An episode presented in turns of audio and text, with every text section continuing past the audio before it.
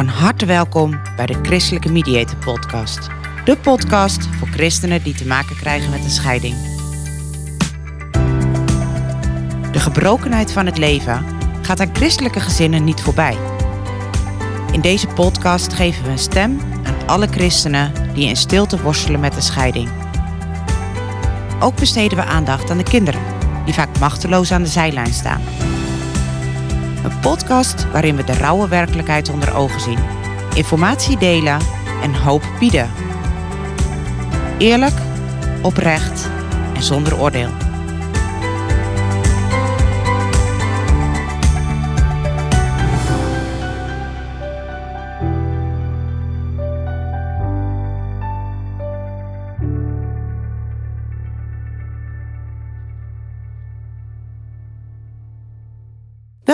Bij de Christelijke Mediator Podcast. Fijn dat je weer luistert. Vandaag de eerste aflevering van een tweedelige podcast die ik opneem met Marjan Leenman. Nou, Marjan, vertel eens, wie ben jij? ja, wie ben ik? Nou, je zei het al, hè? ik ben Marian Leeman. Um, ik ben werkzaam bij Stichting Schouwplaats, het diaconaal maatschappelijk werk van Stichting Schouwplaats. En ik heb in het verleden zelf te maken gehad met scheiding, want dat is denk ik de reden waarom je hier vandaag met mij aan tafel zit. Zeker, dat is absoluut uh, de reden.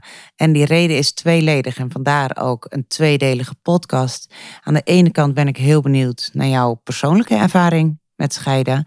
En anderzijds ben ik benieuwd van, joh, hey, um, hoe heb jij, uh, of hoe ben jij gestart met het werken ook uh, bij Stichting Schuilplaats? En wat is de relatie daarin? Wat doe je daarin voor mensen die in uh, scheiding liggen of die gescheiden zijn? en sterker nog, wellicht ook daarvoor. Nou, dat hoor ik allemaal heel graag. Um, en je hebt een boek geschreven samen met Anje Slootweg. Het boek Leven met Scherven. Daar ga ik ook heel graag in de volgende podcast um, verder op in met je. Maar voor nu dus eerst jouw persoonlijke ervaring met scheiden. Hoe ver gaan we terug in de tijd?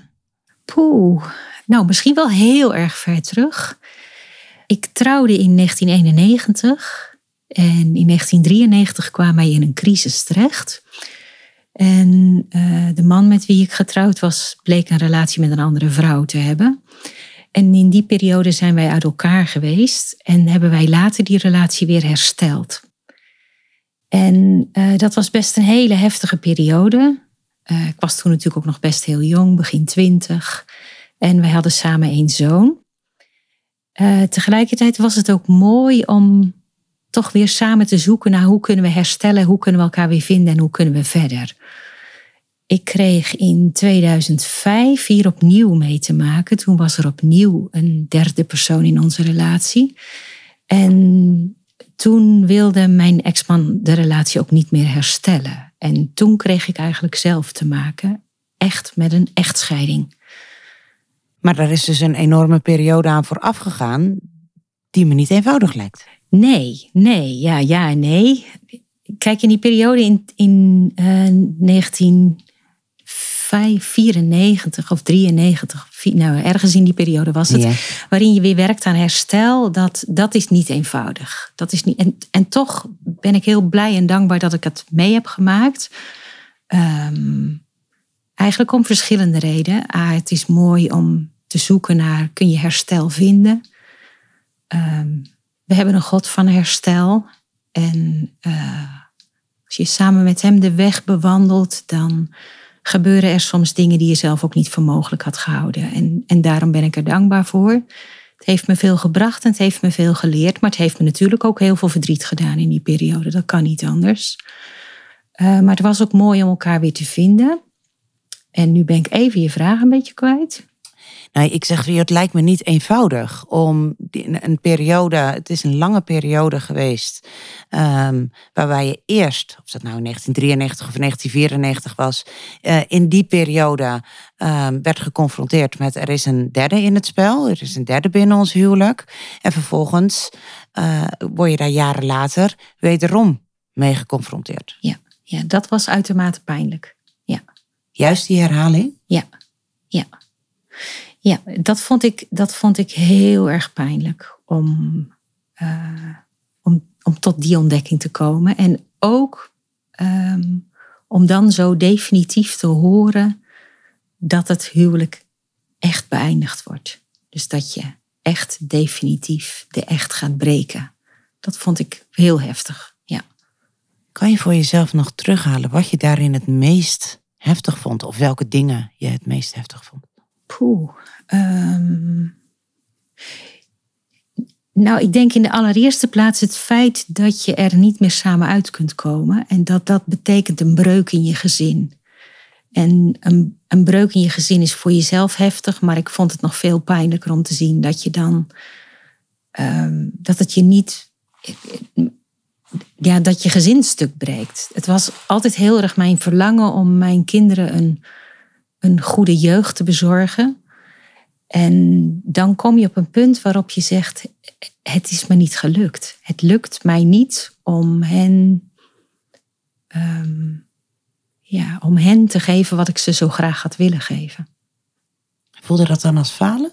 Jazeker, jazeker. Je, het voelt als falen op verschillende gebieden. Je, je faalt ten opzichte van je kinderen, je faalt ten opzichte van elkaar, je faalt ten opzichte van je hemelse vader van in, mijn, in mijn werk. Ik vond het heel ingewikkeld dat ik degene die echtparen hielp in therapie mijn eigen huwelijk niet kon redden. Ja, ik, het woord falen, dat, daar heb ik zeker erg mee geworsteld. Ja. ja. Hoe oud waren de kinderen op dat moment? Um, ik heb drie kinderen. Mijn oudste zoon was toen twaalf. Mijn dochter was acht en mijn jongste zoon was vijf. Hoe was die periode voor hun? Ja, afschuwelijk. Afschuwelijk. Geen enkel kind hoopt een scheiding mee te maken. Voor ieder kind is een scheiding vreselijk. En misschien zijn er enkele uitzonderingen, die zullen er best kunnen zijn, maar ik denk dat bijna alle kinderen het liefst gewoon in een compleet gezin opgroeien. Ja. En hun leven verandert op zo'n moment voorgoed. Ze, ze realiseren zich misschien dan nog niet helemaal, maar door de tijd heen wel dat hun leven nooit meer hetzelfde zal zijn. En alle consequenties die erbij komen, zijn voor hun natuurlijk ook gewoon, ja, ze moeten leren dat een plekje te gaan geven. Het feit dat je niet meer onder één dak woont, maar dat je soms bij papa bent en soms bij mama bent. Het feit dat je moet verhuizen en, ja, zoveel dingen meer ja, vaak een andere school. Nou, noem allemaal maar op wat er in een rol speelt. Maar misschien nog wel de meeste basis voor een kind. Dat ze papa en mama samen willen. En dat ze een gezin willen zijn waar papa en mama onlosmakelijk allebei een onderdeel van zijn. Ja. Hey, dan ga ik even terug naar het stukje dat jij vertelt van joh, ik werd uh, voor een tweede keer geconfronteerd met het feit dat er een derde in onze relatie was. Nou zijn er veel mensen die ik spreek die zeggen van joh, het feit dat er iemand anders in onze relatie was, dat gevoel, die pijn, die kan ik niet uitleggen. Daar heb ik geen woorden voor. Dat, dat heeft me zo diep geraakt. Hoe was dat bij jou? Ja, ik denk niet anders. Ik, ik, uh, de krenking die je voelt is moeilijk te beschrijven. het, mhm. het doet iets met je gevoel van eigenwaarde. Het doet iets met je vrouw zijn, met het beeld wat je van jezelf hebt. Ja, het, het, heeft, een het, is, ja, het heeft hele vergaande gevolgen. En, en het, het ik merk dat ik het ook niet zo goed kan beschrijven eigenlijk. Het is moeilijk om dat de juiste woorden te geven. Omdat het zo'n diepe laag van, je, van jezelf en van je zijn en van je zelfvertrouwen, je zelfbeeld um, raakt. Is ja, dat ja. Ik, ik, ik merk echt dat, dat, dat ik niet de juiste woorden kan vinden. Kijk, een breuk in je vertrouwen is zeer ingrijpend. En overspel in je relatie is gewoon zeer ingrijpend. Ik denk dat het ook niet voor niets is dat de Bijbel daarom ruimte biedt om, ja, om, om, om dan sowieso tot een breuk te kunnen komen of te mogen komen, omdat het zo diepgaand. Verwoestend is. Ja, eigenlijk wel. Ja. ja. ja. Tegelijkertijd is het prachtig als je wel uit weet te komen, maar ook dat is een lange weg. Het is een lange weg wat heel veel vraagt. Ja. En zeker, je, je, je stipte het al aan, uh, als je vertrouwen is beschadigd, en zeker op dat niveau is beschadigd, dan um, is daar een lange weg voor nodig. Ja. Die niet onmogelijk is, want ik ken de mensen uh, bij wie het wel mogelijk zeker, is. ik ook. Ja. Ehm, ik las een uh, interview wat je eerder uh, gaf. En daarin zeg je van joh, ik voelde me als vuilnis aan de kant gezet. Ja, ja, ja. Ja, dat klopt. Dat klopt. Omdat je ingeruild wordt voor iemand anders. En uh, dat doet heel zeer. Ja. Dat doet heel zeer. En dat, dat maakt dat je allerlei dingen af gaat vragen. Uh, waarin ben ik tekort geschoten? Of wat is er mis met mij? Of wat is er gebeurd? Wat dit, waardoor dit gebeurt? Het, het, het, roept heel, het roept heel veel vragen bij je op. Ja. Wellicht een ingewikkelde vraag, maar heb jij Gods aanwezigheid op de een of andere manier ervaren in die periode? Ik vind het helemaal geen ingewikkelde vraag.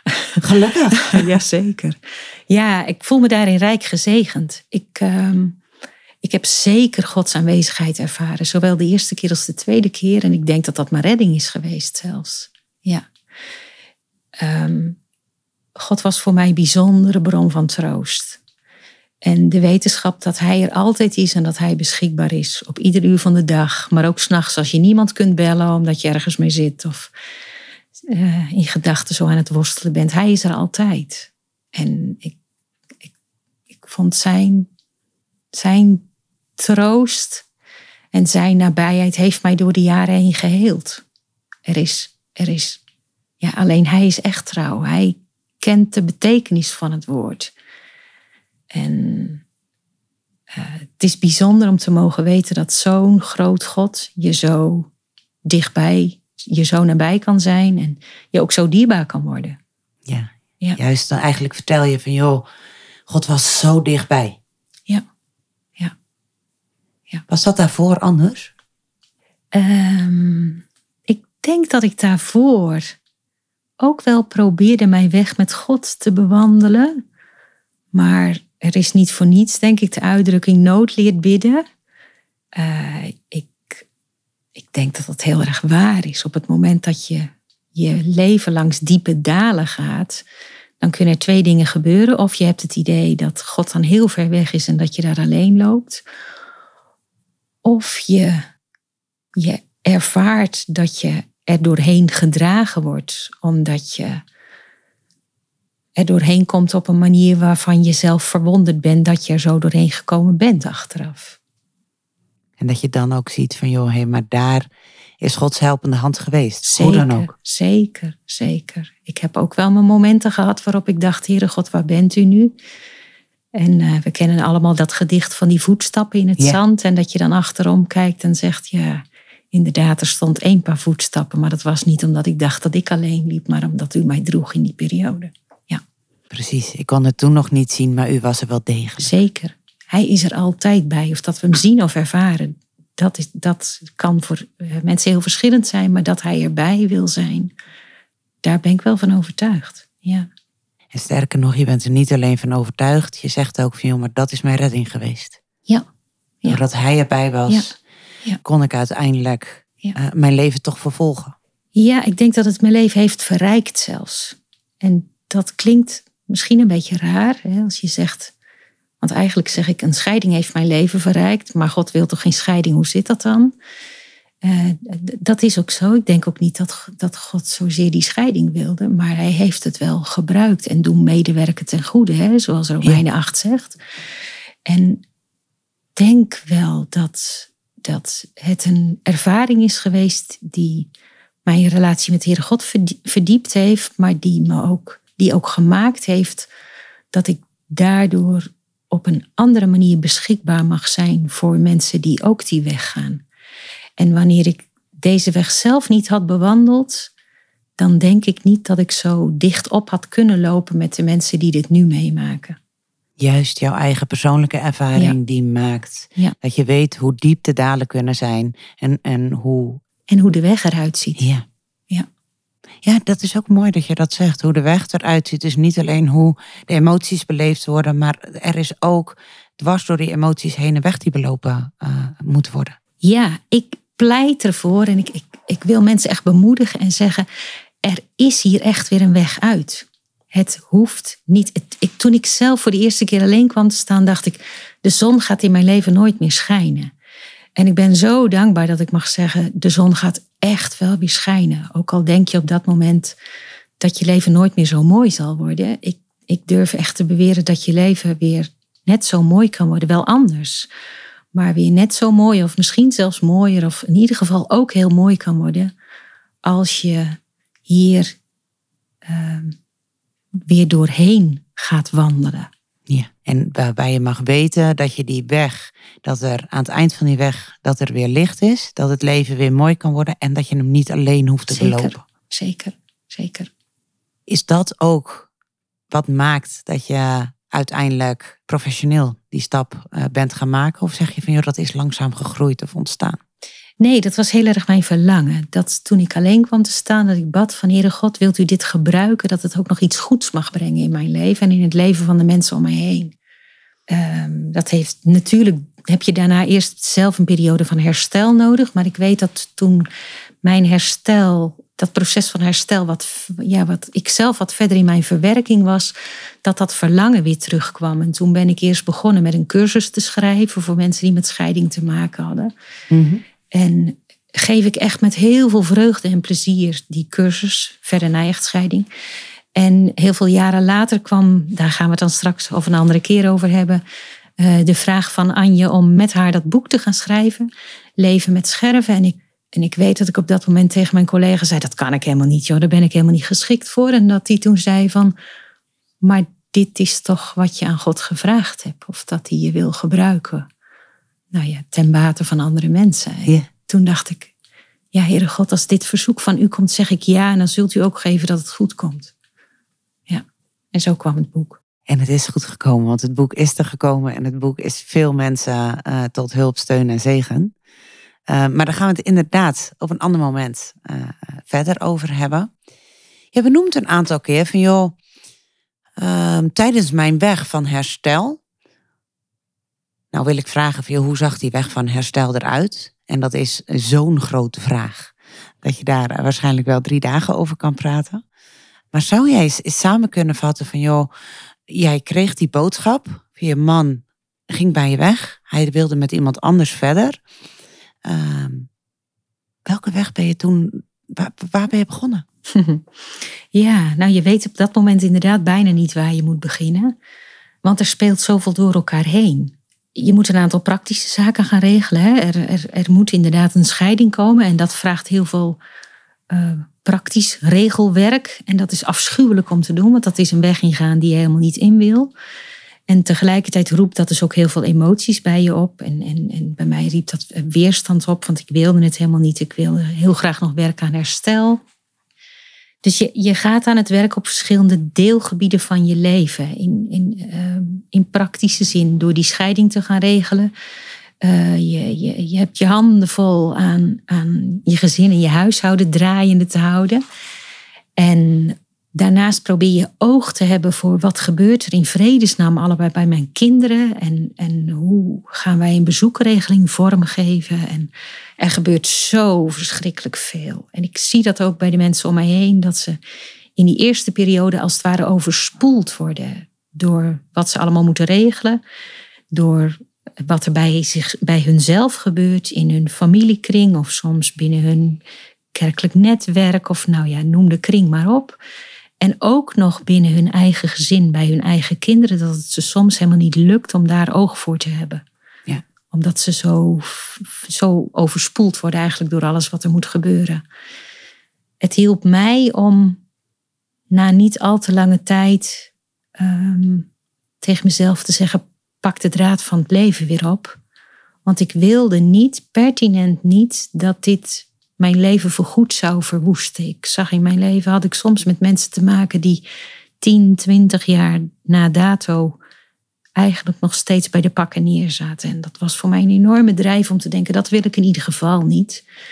Dus ik ben ook redelijk snel weer toch aan het werk gegaan. En ja, dan moet er heel veel geregeld worden. En dan, dan loop je een beetje het risico dat je zo druk bent met wat er allemaal gedaan en geregeld moet worden, dat je aan je verwerking niet toekomt. Maar goed, als uh, hulpverlener wist ik hoe belangrijk dat was. Dus ook daar probeerde ik wel mee bezig te zijn. En dat deed ik door in gesprek te zijn met mensen die me dierbaar waren. En die me hielpen om de juiste vragen te stellen en om me heen te staan. En ja, het is geen volledig antwoord, maar. Nee, maar het is tegelijkertijd is het wel een antwoord zoals de praktijk ook gewoon is. Namelijk, er is niet één vaste route van nou, je moet nu stap 1, 2, 3 tot en met 25 nemen en dan is het klaar. Er komt gewoon heel veel op mensen af. Je zegt het al van joh, er zijn aan alle kanten de emoties. Er gebeurt iets binnen het kerngezin, dus het, het gezin met je eigen kinderen. Maar er gebeurt ook iets in de gezinnen waar beide partners uitkomen, in kerkelijke gemeentes. Uh, de kinderen die van alles nodig hebben. En ondertussen dwars er alles heen moeten dan ook nog eens praktisch over wel of geen koophuis en waar ga je dan wonen? Um, hoe gaan we het financieel regelen? Wanneer zijn de kinderen bij papa? Wanneer zijn ze bij mama? Noem allemaal maar op. Het is gewoon vreselijk veel. En dan kan het heel erg helpen om dat ook in, in stukjes op te gaan hakken. Uh, omdat je het niet in één keer kan overzien. Dus ik snap dat je zegt van joh, het is geen volledig antwoord. Het is wel de realiteit dat het veel is. En wat je eigenlijk ook zegt, uh, de valkuil was om de verwerking over te slaan. En ik ben blij dat ik dat niet gedaan heb. Uh, en dat ik ook met mensen om me heen die me tot steun konden zijn, uh, daarover heb kunnen praten. En dat die me ook konden helpen en steunen. Hoe belangrijk was dat? Heel belangrijk, heel belangrijk.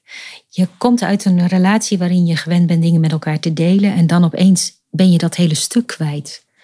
En ik weet dat ik dat heel lastig vond. Dat de gedachten die je hebt, dat je die niet meer even met iemand kunt delen. Dat je dat sparren even kwijt bent. Ik had een hele trouwe vriendin die mij wekelijks even belde en zei: Ik ben er voor je. En uh, zij was daarin niet de enige, maar dat was enorm helpend. Dat heeft ze lang gedaan. En het was voor mij een hele mooie manier om daardoor van lieve leed te leren dat weer meer alleen te gaan doen. Maar in het begin was dat heel belangrijk. Ja echte wetenschap. Ik hoef het niet alleen te doen. Ik sta er niet alleen voor. En het voelt soms al zo eenzaam. Dus als er dan iemand eventjes wekelijks belt en, en contact met je opneemt, kan dat zo fijn zijn. Ja. Zo helpend zijn. Ja. ja. En gelukkig had ik best wel veel mensen om mij heen hoor, die mij steun, die ons als gezin steun uh, gaven. Dus dat, dat, dan, ja, dan voel je je rijk gezegend. Ja. ja. Je zegt ons als gezin, dat betekent dat ze ook echt oog hadden voor de kinderen? Zeker. Zeker. Ja. En soms ook op mijn verzoek, omdat ik wist dat het voor mij soms moeilijk was om hun goed te zien. En ook voor de kinderen moeilijk was om hun dingen met mama te delen. Want die wisten natuurlijk ook wel, als wij dit zeggen, doet dat mama pijn. En kinderen vinden dat ook ingewikkeld. Ja. Maar ik wilde wel heel graag dat er ook oog was voor wat zij nodig hadden. Dus uh, in mijn geval vroeg ik dat dan soms aan andere mensen van willen jullie nog eens extra oog hebben voor hun? Of nodig ze een keertje uit? Of... Wel stoor dat je dat doet. Want ik denk dat veel ouders ook vinden van... joh, maar ik moet dit als uh, een vader of moeder zelf kunnen doen. Terwijl dat in een periode rondom een scheiding gewoon niet eenvoudig is. Niet voor jezelf, maar ook niet voor de kinderen. Precies. Om wat ik net zei. Ja, dat je, je kinderen zien net zo goed dat ze... Uh, met al hun vragen die ze heel terecht hebben, dat, dat ze je soms raken. Uh, dat vinden kinderen ook niet altijd fijn. En dan is het soms veel fijner om die vragen aan een tante of een oom of een buurvrouw of een opa en oma te kunnen stellen. Die er wat verder vanaf staat en die daarin met hun mee kan denken. Precies, en die niet bezig is met papa of mama goed of fout, maar die bezig is met het kind en de beleving van het kind zelf. Waardevol dat je die nog benoemt. Hey, ik merk dat ik nog wel uh, honderd vragen aan je heb, maar we gaan hem toch afronden voor nu, deze podcast. Ik ga mijn honderd vragen gewoon opschrijven voor de volgende keer. Zoals ik al aangaf, van joh, je hebt er uiteindelijk voor gekozen om ook als professional echt met deze uh, doelgroep, en dan heb ik deze doelgroep, heb ik het over uh, gezinnen waarin relatieproblemen of scheiding een uh, rol speelt, om je daar nou, je professioneel ook mee bezig te houden. En daar ga ik heel graag in het uh, volgende gesprek met je verder op in. Voor nu heel erg bedankt voor je openhartigheid.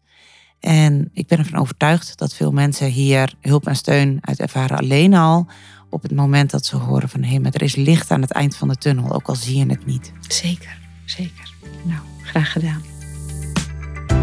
Dank voor het luisteren naar de Christelijke Mediator podcast. Mocht je behoefte hebben aan advies of aan een luisterend oor, schroom niet. Neem vooral even contact op.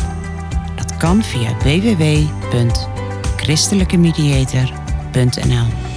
We helpen je graag. Je staat er niet alleen voor.